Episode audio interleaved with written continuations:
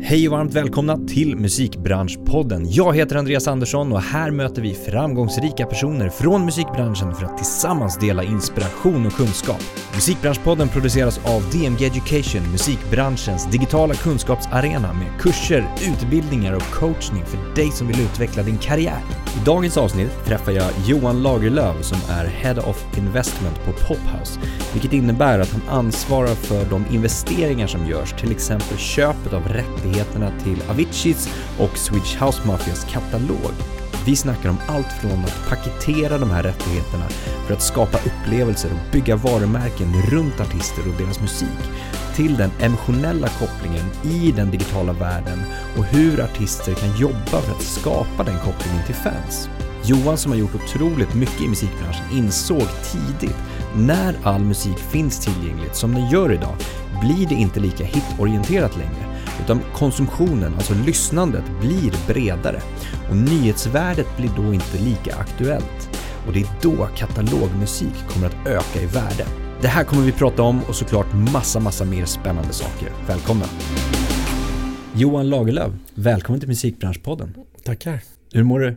Är bra, jag är lite hes. Du är lite hes, vi pratade om det tidigare också. Ja, ursäkta om, om, det, om, det, om jag pratar tyst och sävligt. men det är för att jag, de säger att det är för att jag har flugit för mycket, jag vet inte. Och du pratar ju ganska mycket i ditt jobb också.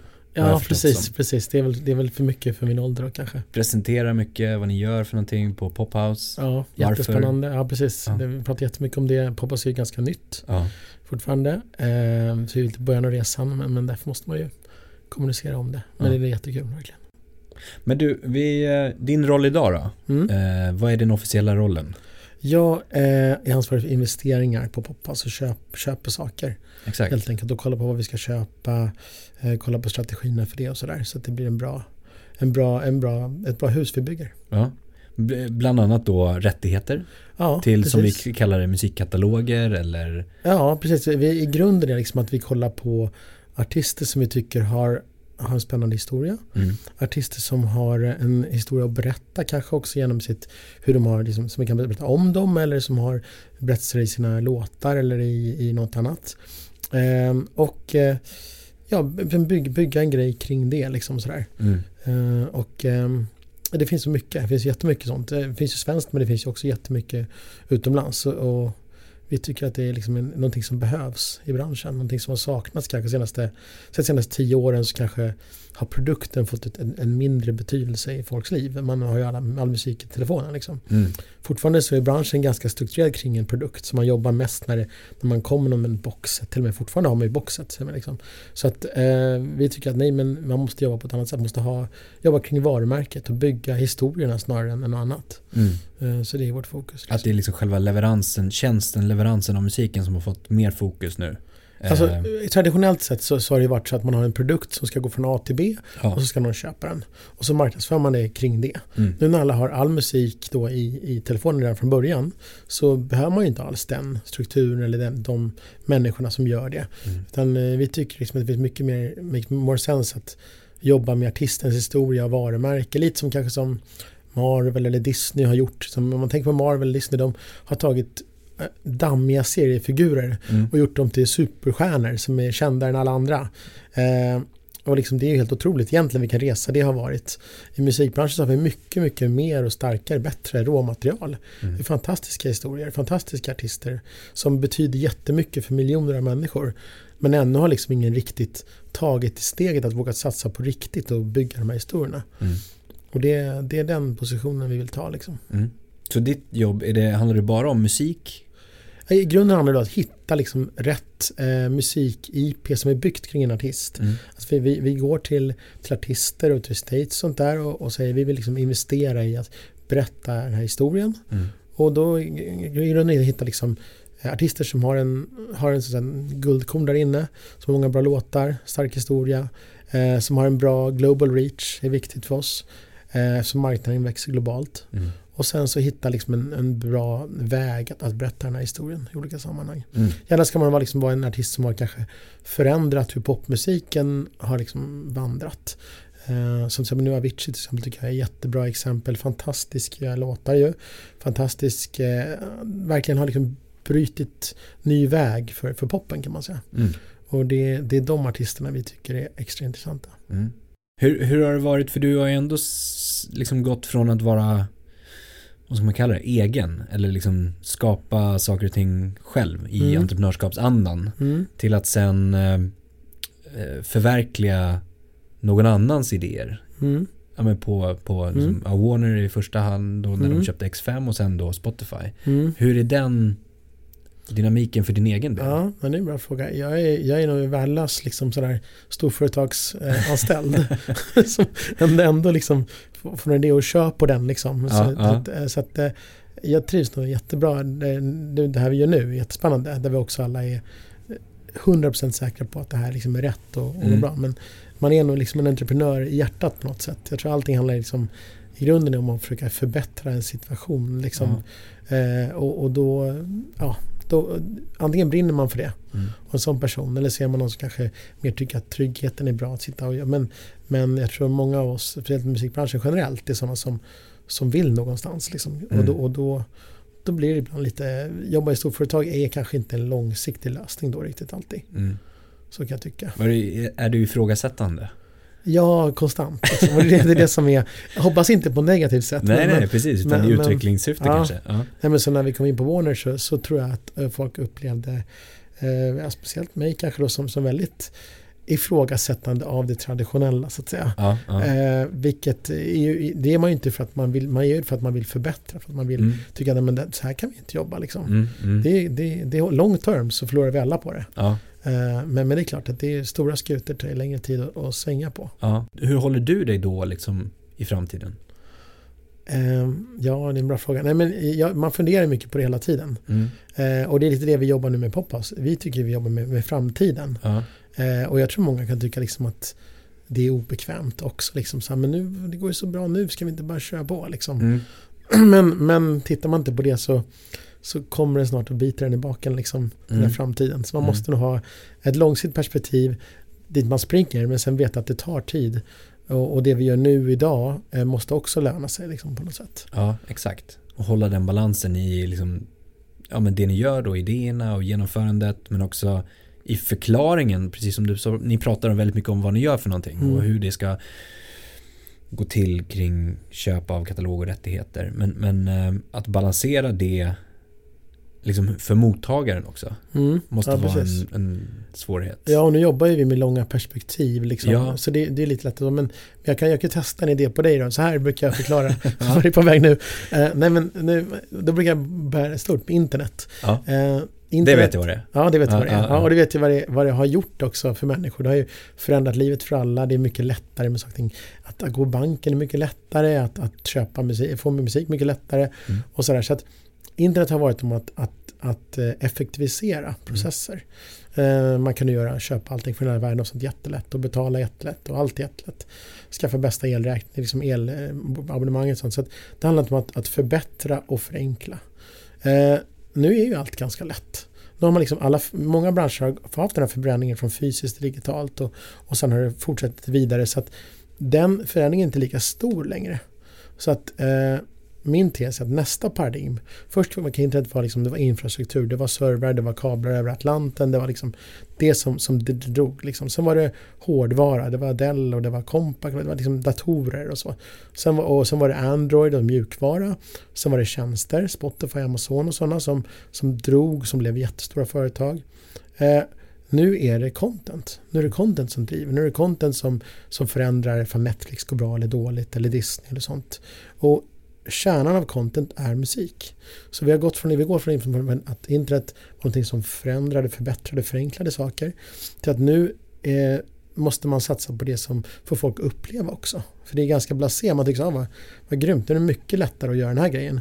Och sen så, okej, okay, men vad händer nu då? Nu har jag mer tid, vad ska jag nu? Och då handlar det liksom om att engagera. Så jag tror vi kommer in i något paradigm nu där det handlar om liksom engagement. Mm. är det som driver tillväxt, det är det som driver att folk gör saker. Mm. Och där är de flesta internetföretag faktiskt inte uppsatta för engagement. De är ganska dåliga på det. Mm. Eh, de har liksom jobbat med effektivisering bara. Det är massor med människor som varit jättebra på att effektivisera processer. Mm. Och nu kommer vi till engagement. Och där kommer ju då musik in. Som är kanske den bästa verktyget för att engagera folk någonsin och alltid varit. Musik har alltid drivit de här tjänsterna i grunden egentligen.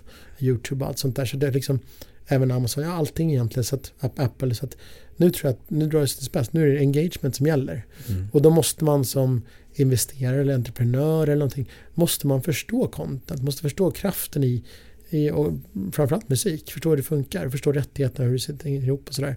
Eh, för det kommer att vara grejen liksom, mm. framöver. Och det kanske man pratar om i 20 år, att content is king och sådär. Men det har inte riktigt varit. Det har varit liksom tekniken och förbättrandet till tjänsterna som har varit grejen. Mm. Nu kommer vi dit, när, när content liksom verkligen får explodera. Mm. Och det är väl det, det är väl den liksom, det kommer hända i 20 år. Det kanske inte alla tycker är positivt eller, eller om man har ett internetföretag som har fokuserat på förbättring eh, och plattformar och så här, menar, som Google till exempel. Det handlar mycket om förbättring. Nu ska man, nu ska man vara bäst på, på att skapa upplevelser. Det är en helt annan grej. Man kan se nu, jag brukar följa Mark Zuckerberg på Facebook. Liksom. Han pratar inte längre om förbättring. Utan nu är det liksom upplevelse som grej. Nu står han med sina Googles hela tiden och, mm, mm. och berättar om hur underbart det är. Mm. Lite problem fortfarande att förklara för folk exakt hur underbart det kommer att bli. Eh, för att han kommer inte därifrån. Mm. Men, men, eh, nu handlar det om, liksom om upplevelser och, och, och känna någonting. Mm. Och där har vi då som musikbransch som sagt en, vi sitter ju sjukt bra till. Eh, och det är väl i grunden också så att varför vi i alla fall tror på det så mycket. Mm. Vi tror på att det är musik, inte bara att köpa katalog eller att utveckla kataloger. Så det handlar inte bara om, om liksom vår bransch. Utan det handlar om att vår bransch nu kommer vara liksom i mitten av allting, i centrum av allting. Mm. Uh, så det, det, finns mer att vinna än bara vara bäst på musik. Mm. Och att musik är kärnprodukten men, men att skapa upplevelser runt omkring den. Och Exakt. amplifiera på få, något att, få, att få användaren sätta musiken i sån kontext så att användaren kan uppleva någonting. Ja. Kan känna någonting. Ja. Uh, jag, jag, jag, har ju träffat lite folk nu som fantastiska människor som jobbar med musik. Eh, som till exempel Björn Ulvaeus säger just att, att det viktigaste när vi gör de här avatarerna som var i London, mm. det eh, som, som då Poppa kör tillsammans med, med ABBA och så, eh, att, att människor ska känna kärlek, känna någonting. Liksom, det är ju trots allt teknik mm. som möter levande människor. Där måste det finnas kärlek, det måste finnas någonting. Liksom. Och det, jag hörde Daft Punk sa samma sak. De står bakom masker. Liksom. Mm. Det är inte så lätt då att förmedla eh, någonting, en känsla. Men det är, musik ska ju förmedla känslor. Mm. Så att, att, där, där ligger kärnan. Liksom. Att, att jobba hela vägen så att man kan förmedla den här, den här känslan och få den här reaktionen. Liksom.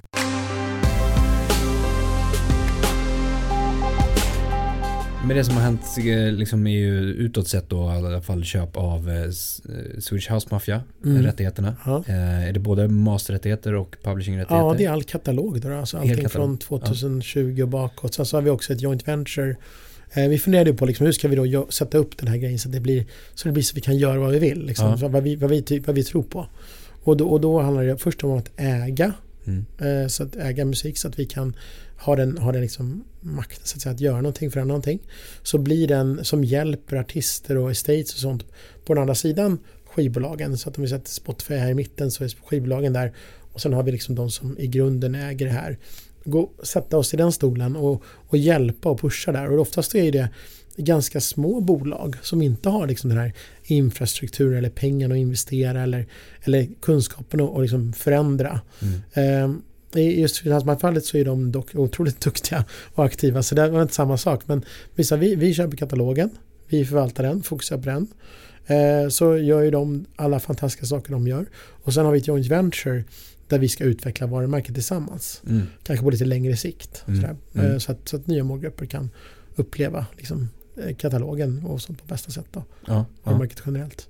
Och så har vi även gjort då med, med Avicii. Mm. Så där har vi ju eh, då ett, eh, vi har eh, köpt in oss katalogen och sen ett joint venture där vi tillsammans ska utveckla och framförallt liksom få musiken till nya generationer av, av lyssnare. Mm, mm. Så det här, egentligen mycket av det ni gör också handlar ju om att förlänga på något sätt Eh, det som redan finns. Alltså arvet ja, som vi pratar ja, om. Ja, för länge. Det är ett tusenårsprojekt. Eh, nej, men, ja, men... På, att göra det tidlöst. Att, att, att, att sätta det i kontext. Jag tror att det enda som Eh, Men att det inte tappas bort på något ja, sätt också. Per brukar säga att musik åldras bättre än vin. Ja. Att det, liksom, att det, det, är, det, det är för alltid. Gör man en bra låt ja. med, med en bra produktion så håller den för alltid. Ja. Men det som föråldras det är kontexten. Eh, det, det, det blir, omslagen blir gamla, mm. eh, hela grej, allting runt omkring, videos, allting blir gammalt liksom. Mm. Och, och då har vi i Bobas har vi jättemycket bra erfarenhet från andra sektorer. Mm. Eh, från till exempel från, eh, från fotbollen, Manchester United och Milan kommer Michael Bollenbrook från. Har varit eh, chef där. Eh, och fotbollen till exempel, de är ju jättebra på att, på att ta ett varumärke till nya målgrupper. Mm. Eh, som om jag liksom är en Manchester United-fan idag känner jag mig som det här är ju mitt lag. Det här, de är ju här och nu. Mm. Samtidigt kände min farfars far för hundra år sedan samma sak. Mm. Så att det, de har verkligen varit bra på det. Vi har också folk från, från uh, Jameson från Harry Potter, utvecklat det varumärket och byggt saker på det. Så vi, vi har som kombinerat olika kunskaper kring att hur, göra saker tidlöst och relevanta för, för alla hela ja, tiden. Ja.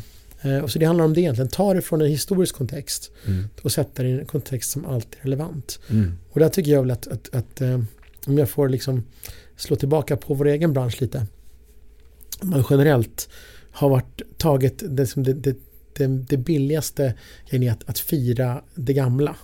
Mm. Att om man kollar nu på, på katalog då så säger alltid så här, men nu firar vi att den här fyllde 20 år eller var 50 år sedan ACDC kom med sitt nya album. Mm. Eller så här, bra albumet liksom. Vilket är kan man säga det sämsta man kan göra just nu. För om man ska sätta ACDC i en kontext så att unga förstår det. Då ska man givetvis inte säga ni var inte med. Det hände Exakt. mycket coolare saker för 50 år sedan och då var inte ni här. Mm då exkluderar man snarare dem. Mm. Så att bort med allt det och tänk på vad, liksom, vad kärnan i musiken är. Mm. Och kan vi sätta den i en kontext som så att de här som är här nu förstår den. Mm. Och det är klart man kan det. Mm. Om musiken är bra. Och det är ju det som blir det tidlösa på något sätt också. Då. Ja, och när man gjort det, man har frigjort den från, från arvet. Och liksom, då, då kan man sätta den i massor med olika kontexter. Det kan vara musikaler, filmer, avatarer, vad som helst. Mm. Eh, som är relevant just då för mm. att folk ska kunna connecta med det och få den här emotionella kopplingen till det. Ja. För det är när man får det som man, som man blir en fan på riktigt. Ja, ja. Och det kan man ibland vara svårt med teknik att skapa den här emotionella kopplingen. Exakt. Även på de här streamingtjänsterna så tycker jag att det är, det är någonting man kan jobba vidare på. Att skapa emotionella kopplingar till artister och musik, för det gör man inte särskilt bra. Nej. Så om man tittar på hur det här ska göras till exempel i olika format så finns det inte alltid ett facit här och nu. Alltså om, om ni tittar, ni tittar ju långsiktigt på det här och potentialen kring varumärket, brandet, historien, musiken mm. uh, och hur det skulle kunna sättas i olika kontexter och olika format. Men de formaten kanske inte är skapade än, kan det vara så? Ja, alltså absolut. Att, det, egentligen men... handlar det ju inte om egentligen det, det kommer, allt, alla artister har en olika historia som ja. vi ska berätta på olika sätt. Uh, just nu är det poppis att göra det med filmer. Ja. Uh, Tv-serier ibland sådär. Uh, Avatar är någonting nytt som ju, om inte du har varit där, är fantastiskt.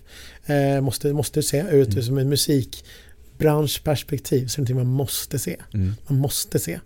Eh, så det är en kontext, men det kommer säkert komma hundra nya. Nu mm. pratar vi så att eh, Facebook och allt meta om, om Exakt, liksom metaverse. Liksom. Och, ja. Det kommer säkert funka till slut, såklart. Ja. Liksom, eh, när man kan skapa den emotionella kopplingen. Exakt. Det kan man inte riktigt göra än om man går in i någon sån här eh, det, är för enkelt där. Det finns inga, inga känslor riktigt med liksom, i bilden. Men när känslorna kan förmedlas mm. som de kan med Avatar London, då, då funkar det. Mm. Och det är sätt, därför är det inte så beroende av teknik egentligen. Det är bara beroende att man, att man arbetar med tekniken så mycket att den kan förmedla en känsla, för det är det musik gör. Ja. Men i ert syfte då, då att, att eller i ert uh, arbete med att leta upp den här musiken, historien, Eh, och värdesätta den här och nu. Mm. Alltså den köps ju ändå, om vi tittar ja. på en, det är en transaktion Absolut. som sker. Och, mm. och, ni ser ju en slags potential i det här framåt. Inte ja. bara en avkastning på den rena eh, liksom konsumtionen av musiken som vi Nej, pratar om. Utan att ja, men den ligger på en hylla. Eh, det här blir en avkastning i form av x antal procent under 30, 40, 50, 60, 70 år. Mm. Eh, och då kommer vi göra en affär på det här och det här och det här. Mm. Eh, utan ni räknar ju även med i beräkningen det här som vi pratar om nu. Mm. Som vi kanske inte riktigt, ni kanske inte har exakt koll på eh, om det ska bli en film, en, en metaverse-konsert om 15 år, inte vet ja, jag. Eh, hur beräknas det? Du har inte kollat på våra affärsplaner? inte i nej, detalj. Nej, men, så här, men så här, vi, har ju, vi, vi upplever oss nu naiva som vi är, att vi gör det här med kirurgisk skärpa. Ja. Eh, vi, liksom, vi, vi kollar ju på, eftersom all data finns ju nu för tiden. Ja. Vilka målgrupper, hur Exakt. mycket streama saker, hur mycket, det finns jättemycket data att gå på. Mm. Så allting börjar med data. Kolla på datan efter, efter saker som, som växer med marknaden. Mm. För växer de inte marknaden så är det lite i uppförsbacke. Mm. Så att vi kollar efter, efter rättigheter som är globala som växer i marknaden. Gärna lite liksom, ja, Bob Dylan kanske inte. För att det, liksom, det, det har redan sitt höga pris. Liksom. Det, eh, utan vi kollar på saker som vi kan lätt förmedla till nya målgrupper. Mm. Lite bortglömt kanske så det behöver mer hjälp än, än, än det, det lättaste. Ehm, och, och, och att det växer marknaden. Så växer marknaden, datan är viktigast. Det ska finnas en global, liksom, en global potential. Det finns det verkligen i de här artisterna som vi jobbar med nu. Det är en enorm global, det är inte för att de är svenska vi har med dem. Det är för att de, är, eh, de, är, de har liksom skapat någonting inom poppen generellt, globalt. Och de finns över hela världen. Mm. Och sen så måste det finnas en, en stark historia, någonting, som, är, så, någonting som, som ger känslor, någonting som berättar någonting. Och det, så att det finns ju faktiskt hundratals artister som har jättestarka historier att berätta. Mm. Både i sitt, sitt, hur de levde sitt liv eller, eller i musiken generellt och sådär. Så de, de parametrarna kollar vi på. Och sen, och sen så försöker vi ta kontakt med de här personerna då som kanske hanterar det och, och bygger en, en affärsplan kring det, en lång plan. Mm. Så att helst ska det ju vara så att, så att det håller i tusen år. Mm. Men, men i alla fall de närmaste tio eh, tänker vi mest på. Ja, exakt. Jag tänker på det här med, som vi pratade om, att, att investera och så lägga det på en, en hylla eh, och, och hoppas på att det växer. Eh, finns det någon modell för hur, hur lång tid man vill ha return på det man investerar? Om man inte tittar på det ni gör, liksom Mm. att bygga runt omkring, utan de som bara investerar i rättigheter och låter dem ligga. Ja, alltså nu kan jag inte prata för dem riktigt, men, men det finns ju några case vi har sett nu också, det jag såg läst i musikmedia klart, där, där de har haft lite problem. Som, Ja. som det finns en som heter Hignosis, en, en engelsk eh, fond som visar musik. Eh, de gör egentligen eh, saker, även om vi i musik båda två så är det radikalt olika setups. Mm. Eh, och vi har liksom gjort vår setup för att inte hamna i den fällan. Mm. De till exempel har, har hög belåning och därigenom så, så får de en, en avkastning som är okej. Mm. Eh, Vi tror inte på det liksom, långsiktigt att det håller så bra. Eh, De köper lite ganska brett, tusentals rättigheter och då, och då kan man inte jobba med det så mycket. Nej. Speciellt också köper man bara förlag så kan man inte jobba med det så mycket. Så att, eh, vi, vill, vi, vill liksom, vi vill hjälpa till och bidra här Mm. och köpa några få rättigheter än, än tusentals. Eh, för tusentals då, så att då går det inte att göra så mycket. Eh, så att, så att det är liksom helt, även om de har en liknande grej, vi ska köpa, de tror på musik stenhårt, Mm. så har vi valt helt olika kan man säga, inriktning eh, i vad vi tror på eh, Mm. för, för, att, för att skapa värde. Mm. Mm. Eh, så där har man, den kanske har en lägre intäktsförväntan Mm. men, men, liksom, men en stabilare, jag tycker kanske att det är ett litet missförstånd från många, många finansiella investerare som tror att bara för att vi köper tusentals låtar här så har vi mindre risk. Ja. Men, men jag tycker eh, snarare att det är tvärtom att, att då har man hög risk, man kan inte påverka sin egen framgång. Mm. Om vi går in för låtar som vi verkligen tror på och jobbar med dem så först så blir det bättre för artisten, bättre för, för branschen, för alla, eh, för användaren också. Men också för- för oss, då kan vi påverka vår egen framtid. Och det är inte så att det är låg, eh, alltså hög risk för det, för att det är ju miljoner människor som lyssnar på musiken varje månad i olika format och former. Så att, så att intäkterna är jätteutspridda. Mm. Eh, men, men uppsidan så att säga är också stor. Om vi kommer in på det här med katalog som vi har nämnt också då. Mm. Ehm, så har vi ju sett, ja, men vi har nämnt flera exempel sedan tidigare också just att hur, man, hur vi ser hur äldre musik sätts i nyare sammanhang. Mm. Ehm, ja, men till exempel i synksammanhang liksom. Ehm, och att det ökar katalog liksom konsumtionen också. Mm. Hur skulle man kunna se, ja, men som du sa, det katalog står ju för, vad är det, två, nu tappar jag siffran, ja, men konsumtionen på, på Spotify. Ja, Eh. jag, jag, jag, jag vet inte, jag, jag kan ju faktiskt inte exakt den här, men det borde jag kunna. Ja, men, Eh, jag men det var när jag var där så var det kanske 60% Exakt. som var, som var då liksom musik som har haft sin hitperiod och sen kommit in i den här eviga tillväxtfasen kan man säga lite på ett sätt. Ja, Så musik äldre än, än 18 månader. ja, Men, men ja, min tes är att det kommer gå upp till 90% liksom. ja.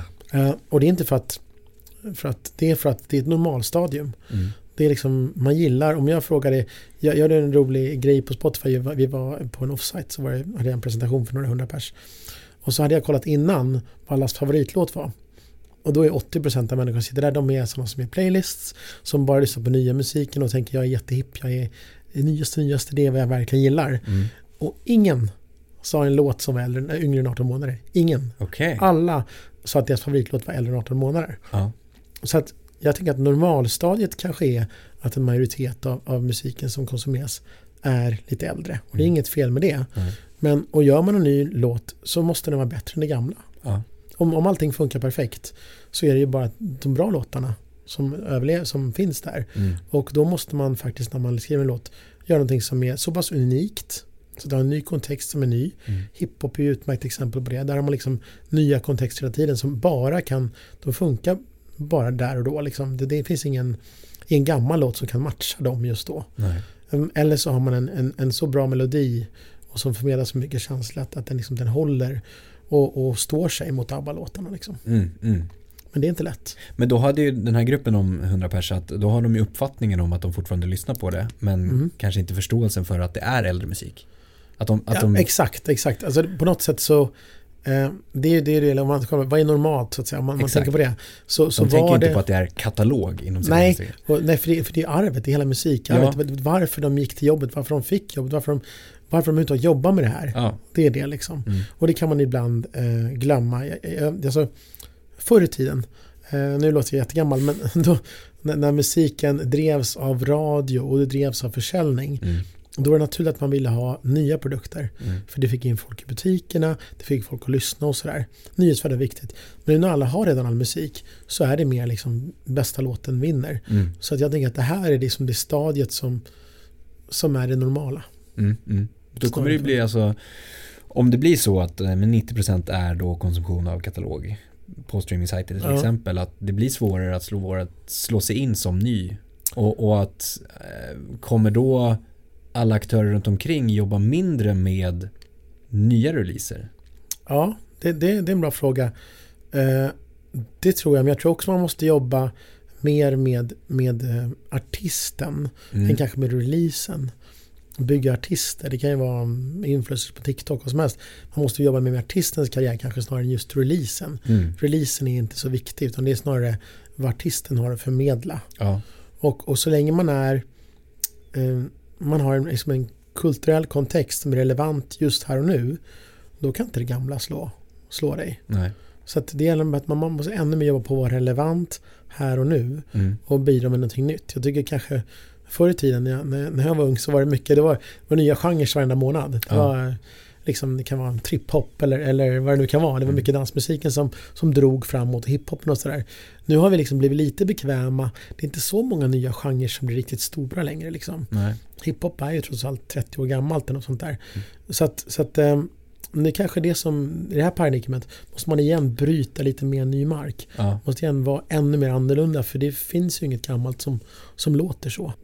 Om du får säga lite om framtiden då, men eh, ur från ert perspektiv. Ja. Om vart Pophouse befinner sig om tio år. Ni har ju en tioårshorisont per, som vi Ja, pratade om, jag per får, liksom. Nej men alltså får jag, får jag case. säga om det? Eh, nej, ja men vi har ju en tydlig plan liksom och vi, vi tycker att det vi gör är vi unika på i Mm. världen än så länge. Eh, vi tror verkligen på att det är liksom någonting som behövs för musikbranschen, någonting som att skapa värde på riktigt, att inte bara sitta och sätta med någonting på hyllan, eh, att inte tänka produkt, utan tänka på att bygga långsiktiga historier och varumärken tror jag är viktigt för branschen som helhet. Eh, lite som Disney eller Marvel fast i musik. Eh, så vi vill liksom ta den positionen att vara de som är bäst på det generellt. Mm. Då kan det vara så att tekniska liksom, verktyget för att nå dit kan vara egentligen vad som helst. Men, Mm. men, men det är som allt är digitalt på något sätt i framtiden eller tekniskt sett så, så kommer det vara att skapa den här historieberättandet och, och kärleken och eh, känslorna i, i liksom intersection mellan teknik och människa. Ja. Eh, det är där någonstans vi kommer befinna oss. Eh, så jag har jättestora, jag ska inte nu måla upp någonting som sen inte får äta upp men, men vi har stora ambitioner och Ja. jag, jag, eh, det får gärna vara fler som, som, som håller på med det här för jag tror att det behövs jättemycket sånt eh, fokus. Mm. Egentligen skulle liksom huvudparten av musikbranschens fokus vara där tycker jag Mm. generellt. Så får vi se hur, hur det förändras. Otroligt spännande. Alltså det är sjukt spännande. Ja, Det är därför jag så gärna vill prata om Ja. vad Poppas resa och vad vi gör. För Ja. att det är liksom mer, jag tror också liksom nu, eh, Spotify tycker jag har varit det mest intressanta som någonsin har hänt i svensk musikbransch. Men det handlar fortfarande om effektivisering, eff- ge musiken till alla. Eh, men nu handlar det om att engagemang och skapa liksom engagemang för musiken för att få musiken relevant i, i liksom det stora perspektivet. Mm. Eh, och där, där liksom har vi nu möjlighet att liksom bryta den marken och, mm. och bli den. Liksom. Så att jag hoppas att alla som gillar musik i Sverige är med på resan till slut och, och jobbar åt samma håll. Mm. Johan, stort tack för ett supertrevligt samtal. Ja, tack detsamma. Det var jättekul att vara här. Jättekul att du kom. Jättestort tack för att du har lyssnat på podden idag. Det uppskattas verkligen. Kom ihåg att följa, stjärnmarkera, gilla, dela, kommentera för att hjälpa till att sprida kunskapen i musikbranschen. Vi vill också jättegärna höra från dig.